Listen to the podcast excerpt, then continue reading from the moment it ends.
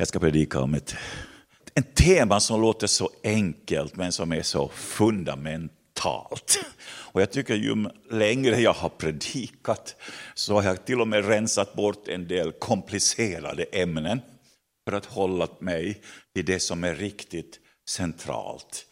När livet vänder och man på något sätt ska hantera kris och kriser i sitt eget liv omkring sig, så är det på något sätt som det där fundamentala, den där grunden, det är där man liksom måste ta spjärn och det är där man måste bottna och stå i, eller hur? Då kan en del liksom, det är inte oviktiga saker, men de minskar i aktualitet, eller hur? Jesus är vägen. Jag har suttit den här veckan lite, när jag skulle bli pensionär, och det jag alltid har längtat mest på, det är att när jag blir pensionär då ska jag ha väldigt långsamma morgnar. Jag ska dricka kaffe väldigt länge. Och jag har ägnat mig åt att dricka länge kaffe, läsa Bibeln och höra i lugn och ro vad han har att säga. Den här veckan kom det här ordet liksom till mig och jag började läsa på det och tänkte kanske det är någonting jag ska dela här idag, några tankar. En del har ni säkert hört om tidigare, men eh, det är viktigt. Johannes 14 och 1. Låt inte era hjärtan oroas. Tro på Gud och tro på mig. I min fars hus finns många rum. Om det inte vore så skulle jag då ha sagt er att jag går bort för att bereda plats för er. Och om jag nu går bort och bereder plats för er så ska jag komma tillbaka och hämta er till mig för att ni ska vara där jag är. Och vart jag går, det vet ni. Den vägen känner ni. Men Thomas sa, Herre, vi vet inte vart du går. Hur kan vi då känna vägen? Jesus sa det till honom. Jag är vägen, sanningen och livet. Ingen kommer till Fadern utom genom mig. Det jag, innan vi går in till själva ämnet så skulle jag vilja påminna eh, er om det här med, med Thomas. Jag tycker det är så fint med Thomas som man liksom har utnämnt till tvivlaren. Men jag tycker han är frågaren. Och jag ska säga att, att vi har ibland varit så irriterade på frågare. Och jag tänker, ja, idag tycker jag vi ska hylla Thomas för att han ställer den här frågan.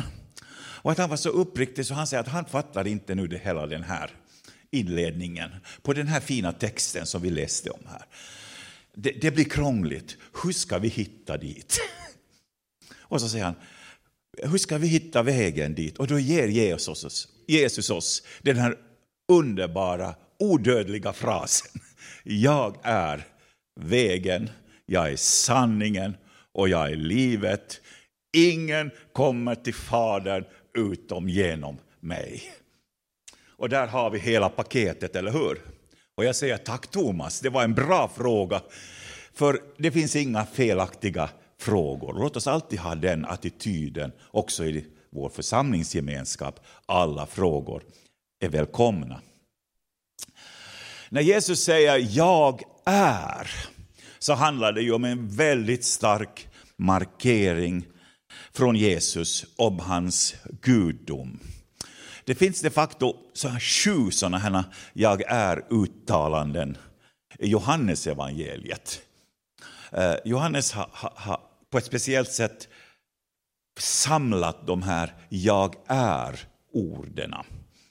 Och, och, och, ni vet, jag är den gode herden, nu vet jag inte om jag kommer ihåg dem alla. Jag är dörren, jag är den gode herden, jag är världens ljus, jag är, kan ni, jag är livets bröd, jag är, jag är det sanna vinträdet, jag är livets bröd.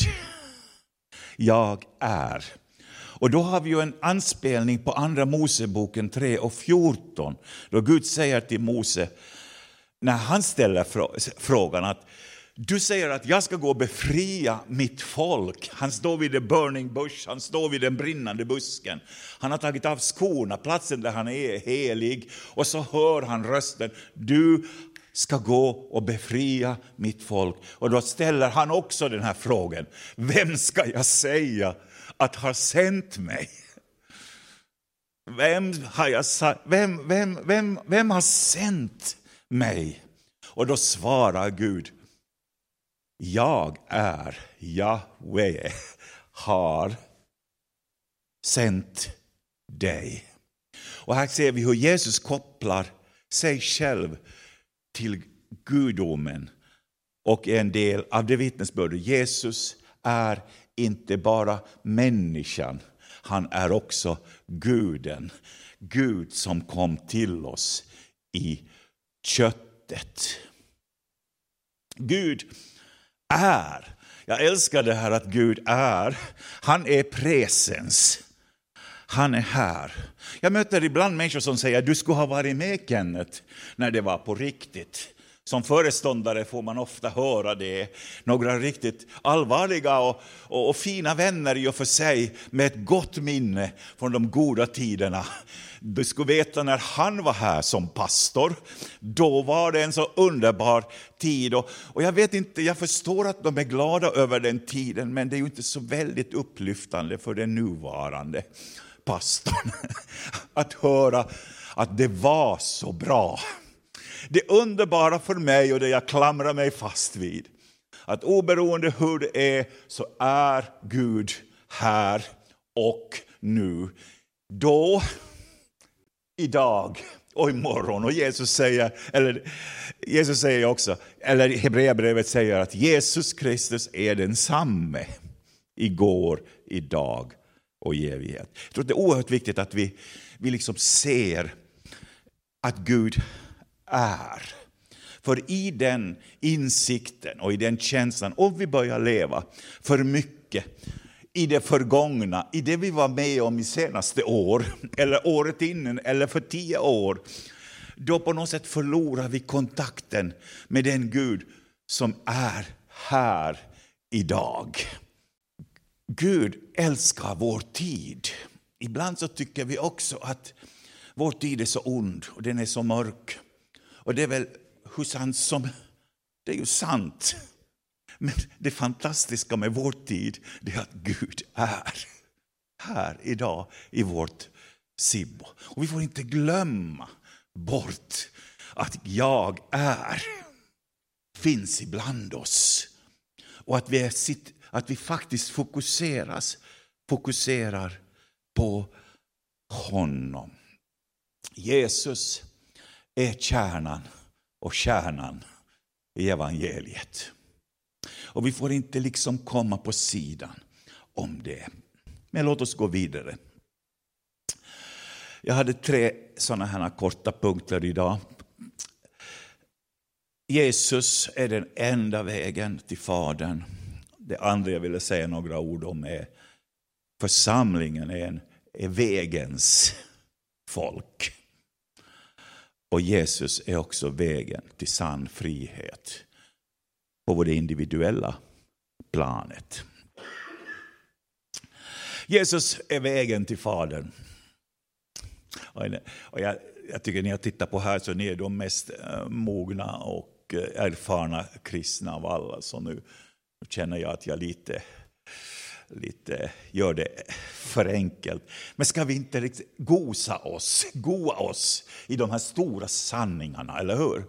För det är det vi bottnar i, det är det som står kvar, det är det som är så starkt. Jesus heter inte vägen. Han är inte teorin om vägen. Han är inte undervisningen om vägen. Jesus är vägen.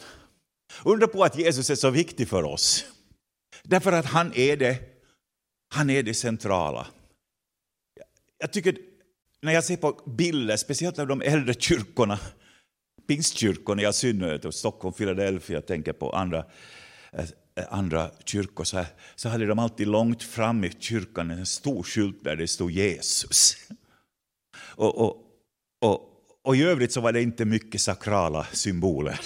Det var ett fyrkantigt rum och en predikstol och så en stor skylt med Jesus.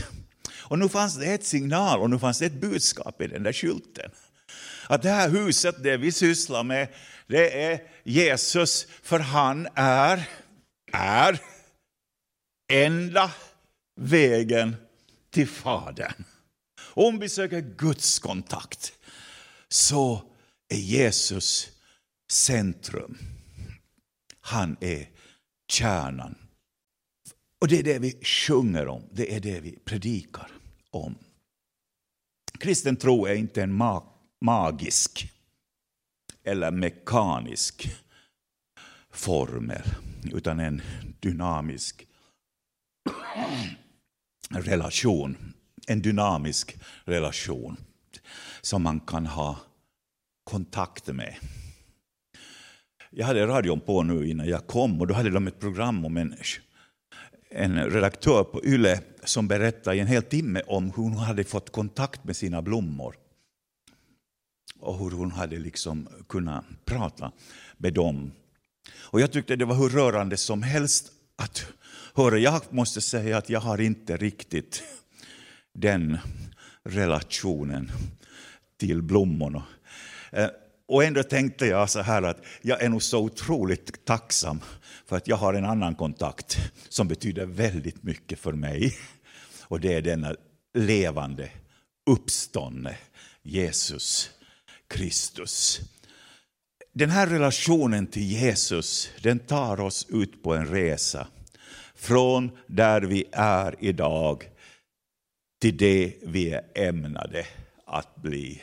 Jesus är vägen. Ni vet en väg, den är ju byggd och den finns för att ta oss från där vi är nu tills dit vi behöver komma, eller hur?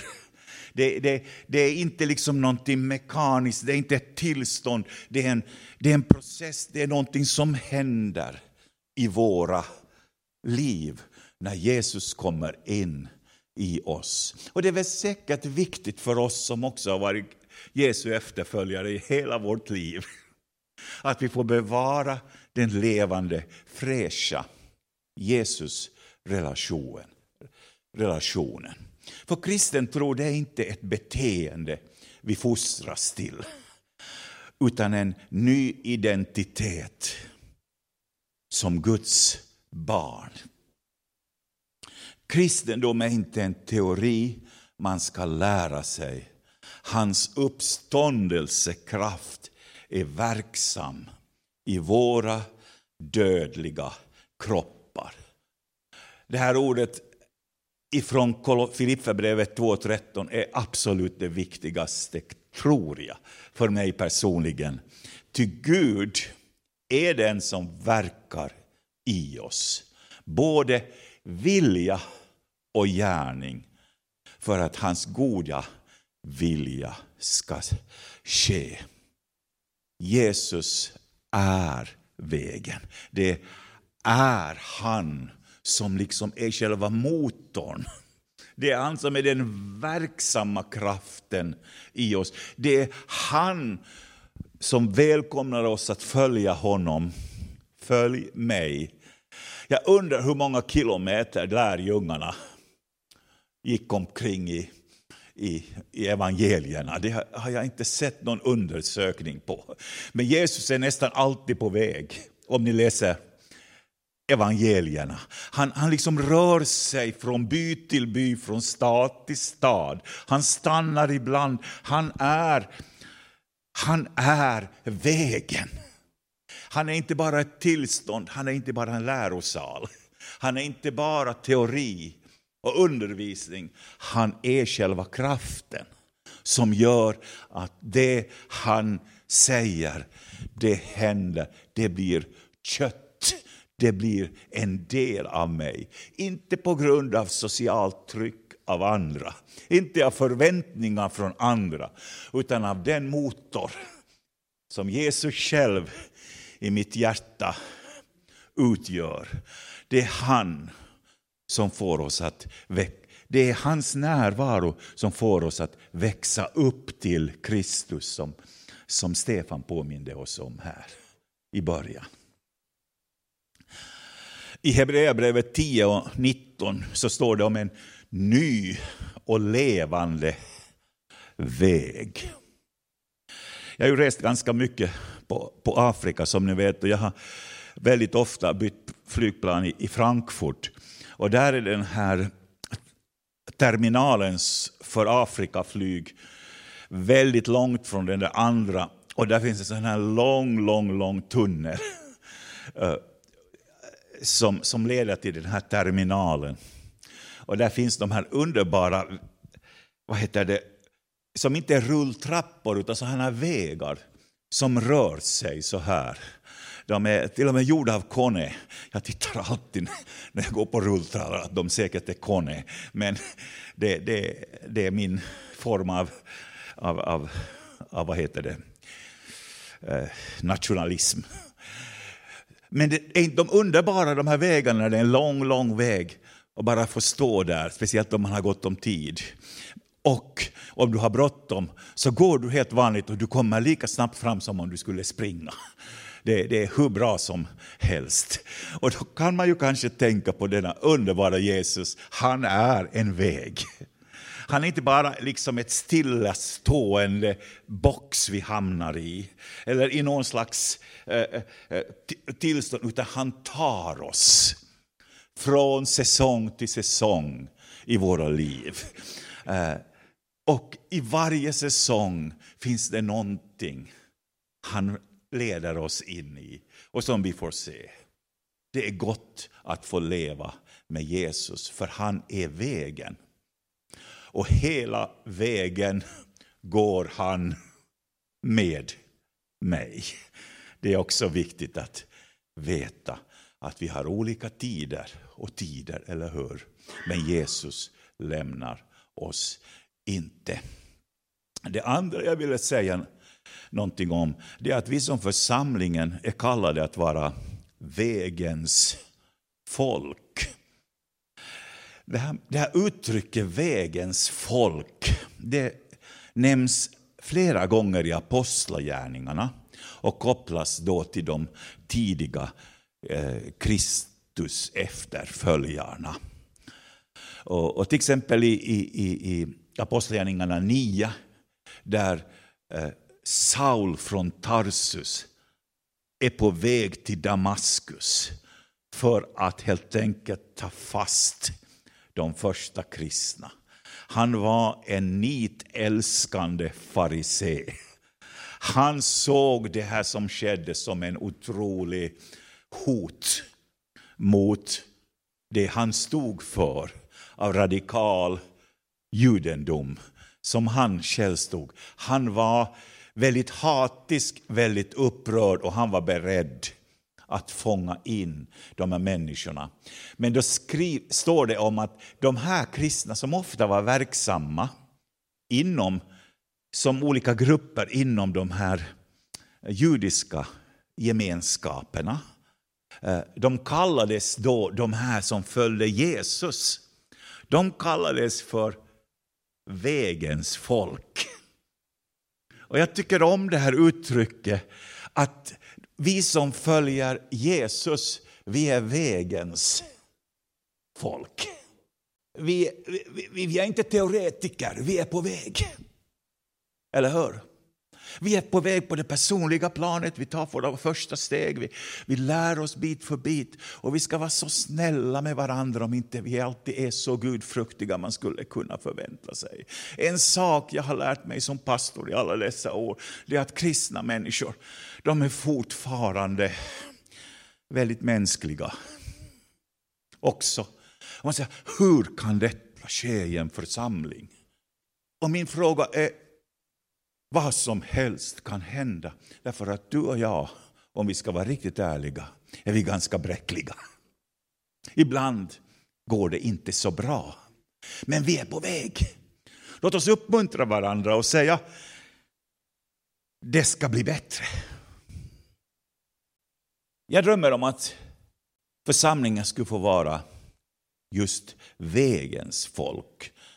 För oftast så en del av nyfiken, eller vad ska vi säga, ointresset för kyrkorna i, vårt, i, vårt, i vår kultur är ofta det att kyrkorna står ofta för det konservativa. Det är, liksom, det är där man lever en tid som inte längre är.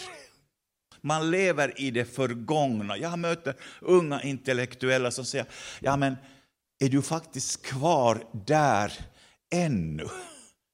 Ja men absolut, jag är där. Gud är.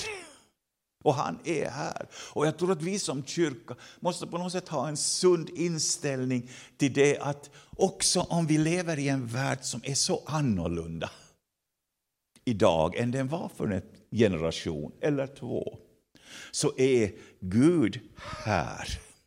Och han älskar. Han, framförallt så älskar han människor. Och det betyder inte att han tycker att allt är bra som händer, eller hur? Gud, men Gud är inte arg på människor. Han hatar synd, men han älskar människor. Är det inte sant? Och det här är inte alltid så lätt att hålla i, ihop de här två sakerna, eller hur? För vi tycker samtidigt det är så skrämmande, det är sorgligt, det är deprimerande att höra allt man hör. Eller hur? Men en sak är klar. Gud älskar människorna. Och som kyrka så låt oss vara vägens folk. Som säger att vi representerar inte gårdagen, vi, betal, vi, vi representerar den Gud som är idag. Sen ber jag om att vi också ska hållas mitt på vägen. Ni vet en väg fungerar bäst när man är på vägen, eller hur? Och, och vanligtvis finns det ett dike på varje sida. Och jag tror att en del också av kristenheten kan ibland bli väldigt attraherade av exklusiva ytterlighetstolkningar antingen hamnar man liksom i en extremt liberal bibeltolkning, eller så hamnar man i speciella teologiska nischteorier. Jag vet jag ska, kan inte gå in på detaljerna här. Men ni vet, det, och antingen så är man så liberal, det finns ingenting i Guds ord som riktigt är relevant för vår tid. Eller så hittar man någonting alldeles speciellt i Bibeln och så kör man bara på det här smala spåret. Och då är det väldigt lätt att det hamnar liksom vid sidan om. Jag skulle be om att den här församlingen och att ni med tanke på tillväxt så behöver vi vara en församling som teologiskt och verksamhetsmässigt håller oss mitt på vägen så att människor har lätt att identifiera sig och uppleva det här är här och det här är nu.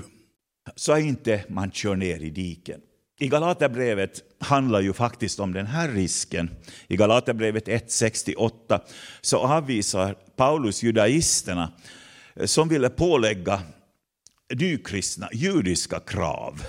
Paulus avvisar alla sådana här tillägg till Kristus. Eller hur?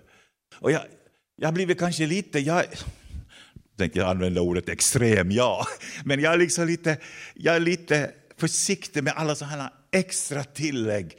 Jag, för mig är det så stort och så underbart att Jesus räcker. Eller hur? Och, och, och, och, vi inte behöver liksom koppla till liksom den här tilläggsmenyer. Ni vet, nu för tiden när man går på McDonalds.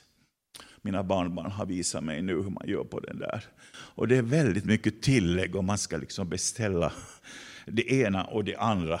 Och, och i början känns det riktigt krångligt. Och för mig så passar det riktigt bra med bara den där eh, Perus menyn och inga så här krångliga tillägg. Och jag menar Vi är ett folk på väg. Vi är inte ett folk som ska köra ner i ett dike. För jag tycker alla extrema varianter av pingströrelsen vi har sett under min livstid, som körde ner i något dike, var finns de idag? Rea nickar. Vi har sett en hel del. Vi har sett en hel del. Därför har jag blivit så trygg i det att Jesus är vägen. Amen. Hans evangelium, och hans verk för oss, det är det som är centrum i det vi, vi, vi förkunnar och det vi lever med. I första Korinthierbrevet 2.2 säger Paulus, och, och, Paulus måste jag säga, han borde hade ju kapacitet verkligen för ganska många utvikningar både hit och dit. Han hade den utbildningen. Han hade verkligen satt sig in i Gamla testamentets alla krumelurer. Men han säger så här, jag har beslutat mig. Det är inte fråga om jag kan eller inte. Jag har beslutat för min del att, medan, att när jag är bland er inte veta om någonting annat än Jesus Kristus och honom såsom korsfäst och jag uppträdde hos er i svaghet och med fruktan och mycket bevan. Men det var det där jag ville stryka under. Jag, vill, jag har beslutat att det Jesus räcker.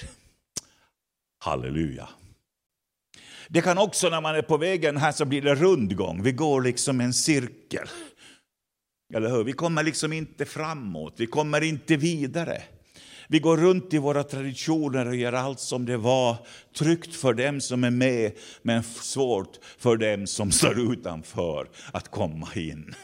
Jag har upplevt det här under min tid som föreståndare och som pastor, att nu, nu gör vi liksom, det, det går runt och det, det fungerar och det är inte dåliga saker. Men vi måste hitta liksom en, en öppning så att människor kan joina, så människor kan komma in, så att vi liksom kan involvera fler. Och jag tror vi behöver alltid, om vi vill se tillväxt, så behöver vi öppna ringen och inte bara gå i våra egna spår, utan få vara missionala i vår egen tid. För sanningen är ju den att det finns inget land, det är få andra länder i världen som behöver mission så mycket som vårt eget land idag. Jag var i Kenya i januari. Och det, det är nästan så att man blir lite chockad, för det finns i vissa områden där i förorterna så står det någon slags kyrka med 100-200 meters mellanrum.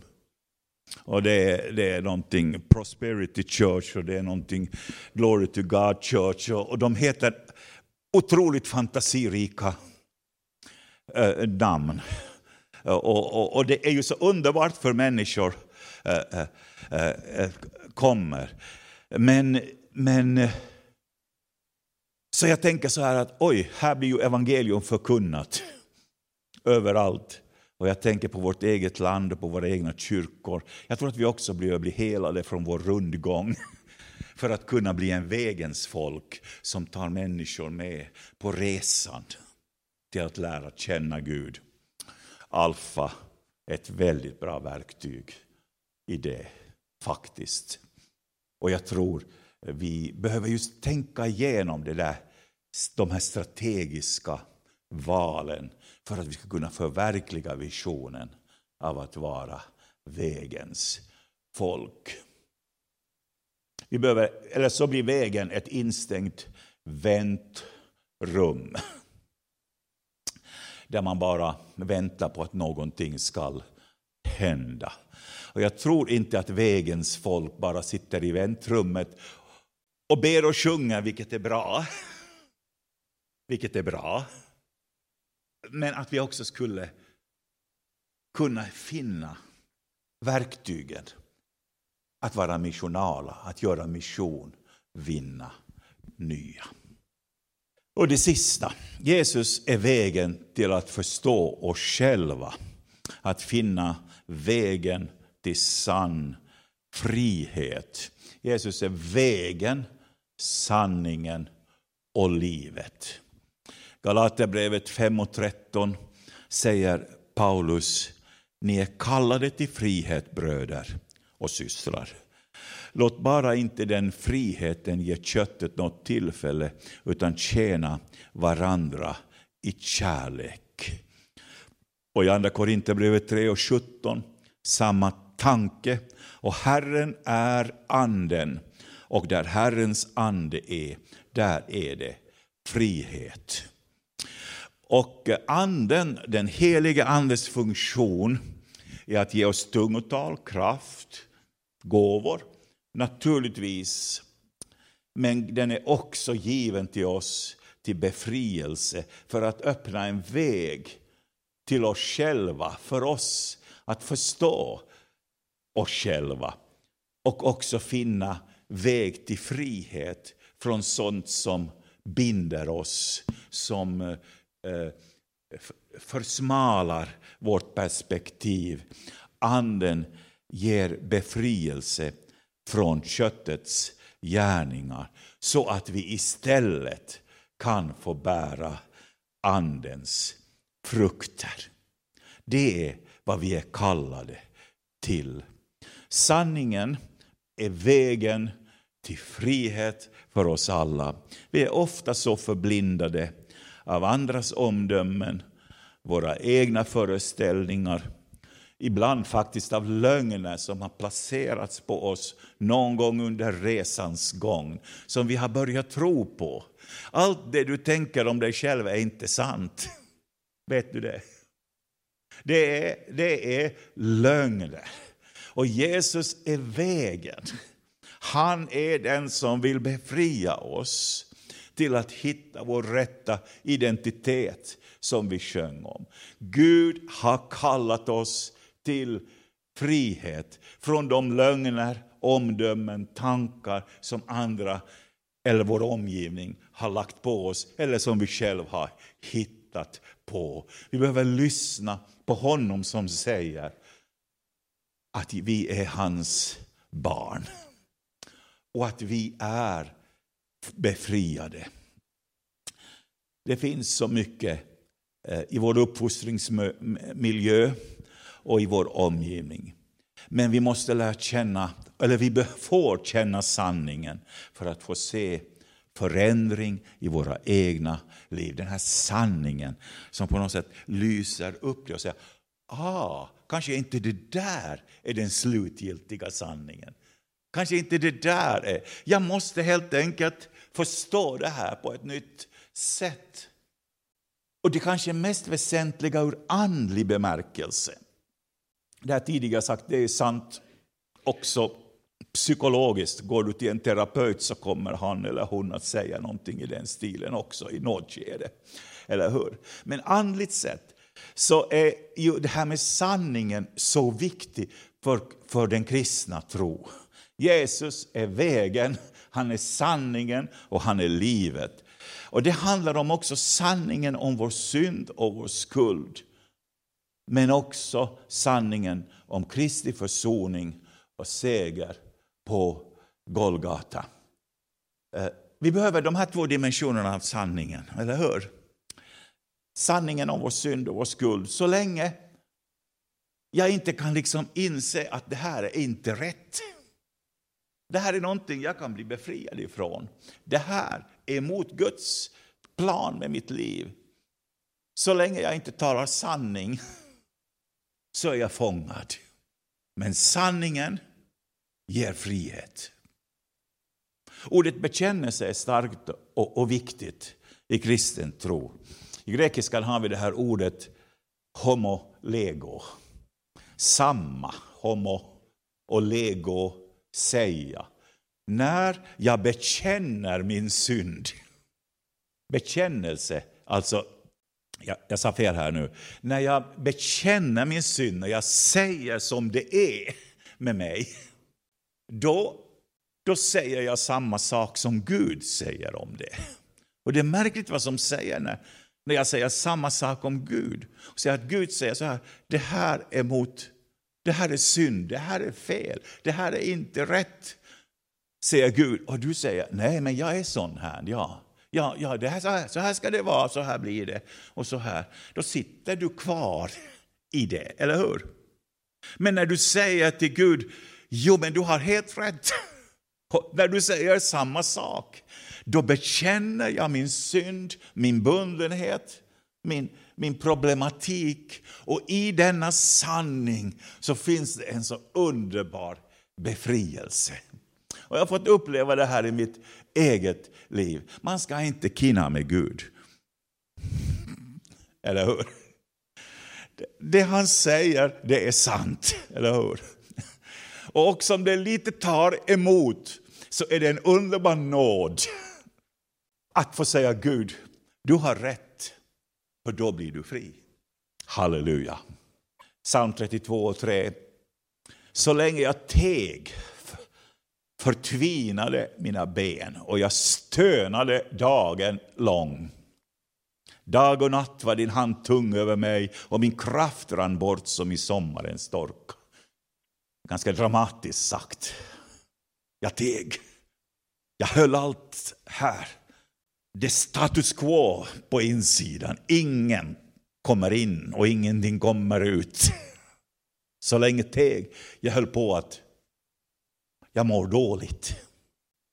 Då erkände jag min synd för dig och dolde inte min skuld. Och jag sa, jag vill bekänna. Nu vill jag säga som, det, som du säger om det här. Mina brott för Herren, då förlät du mig min syndaskuld. I vår tid så betonar vi väldigt mycket människans frihet att välja. Men många, inte minst unga, lider av ångest på grund av kravet att man hela tiden måste välja så mycket. Därför att friheten att välja innebär att man behöver veta någonting om sig själv. Jag läste det här, det var en artikel här i veckan, just som någon psykolog sa just det här. Att det är så många som mår så dåligt för nu för tiden får vi välja så mycket. Vi har ekonomi för det, vi har omständigheter som gör att vi måste välja och inte minst unga mår ganska dåligt för de ska hela tiden veta allt. Och när man inte känner sig själv, när man inte vet vad man själv riktigt, vem man själv är, så är det inte alltid så rasande enkelt att göra långtgående beslut. Ni förstår vad jag säger. Men Jesus är sanningen om oss själva, men också sanningen om Guds utsträckta hand till frälsning och helande. Ransaka mig, Gud, och känn mina tankar och pröva mig och känn min oro. Se om jag är på väg bort från dig och led mig på den eviga vägen. Jag tror konung Davids stora nyckel, varför han ändå trots sin mänskliga svaghet och sina stora felaktiga beslut under speciella tider. Det var det att han hade i grunden en gudsbild som gjorde att han var så transparent. Han levde i en relation med Gud och han kunde också göra upp med det som gick fel. Och han fick lära känna en Gud som förlät, förvandlade och gav nåd. Att det var de här tankarna jag tänkte jag skulle ge er idag. Jesus är, inte var, är här och nu han är den enda vägen till Fadern. Och församlingen är vägens folk. Där vi är i rörelse. I vår personliga tillväxt, i vår gemenskap, i vårt missionsuppdrag. I den stad och den plats där vi bor. Och det tredje, Jesus är vägen till sann frihet i ditt liv och i din relation i det här finns ett stort helande och väldigt mycket kraft. För det som binder oss och låser oss, det är de här olösta knutarna i vårt inre. Men när vi får hjälp och när vi öppnar upp det så kommer Gud in Och när jag säger samma sak som Gud om mina frågor, då släpper han också till sin helande, upprättande kraft. För att om du i ditt hjärta tror att Jesus är uppväckt från de döda och med din mun bekänner, då ska du bli frälst. Det har jag citerat många gånger till människor som vill komma till Jesus, kanske för första gången. Men det är att den här formeln, den gäller mig fortfarande. Att om jag i mitt hjärta tror och i min mun bekänner min svaghet, mina synder, mina felsteg, då kommer jag att bli frälst. Och det betyder befriad. Sanningen gör oss fria. Ska vi be? Ska vi be tillsammans? Kanske det är någon idag som känner att jag behöver uppleva befrielse. Jag behöver få uppleva Jesus som vägen till frihet i mitt liv. Får du räcka upp din hand eller du har något annat som du kommer till. Herren ser dig och dig. Ja. Så ska vi be tillsammans. För Jesus Kristus är här i vårt möte idag. Tack himmelske far för att du sände Jesus Kristus till världen. För att uppsöka och frälsa allt det som var förlorat, vilset och bortsprunget. Herre, du ville föra oss och visa oss vägen. Vägen till Fadern. Jag tackar dig Jesus för att du älskar oss här idag. Och nu Herre, du ser våra händer och du ser våra hjärtan. Du ser vår längtan efter att inte vara i bundenhet. Herre, vi vill inte leva i kött köttet. Vi vill leva i anden. Herre, vi vill leva i frihet och vi vill leva i sanning. Vi vill leva, Herre, som enskilda men också som församling. Välsigna denna kära, älskade Betania församlingen. Tänk att den ska få vara ett ljus på berget, en stad på berget som på något sätt visar människor på hopp och tro i vår förvirrade tid. Det ber jag dig om i Jesu Kristi namn. Amen.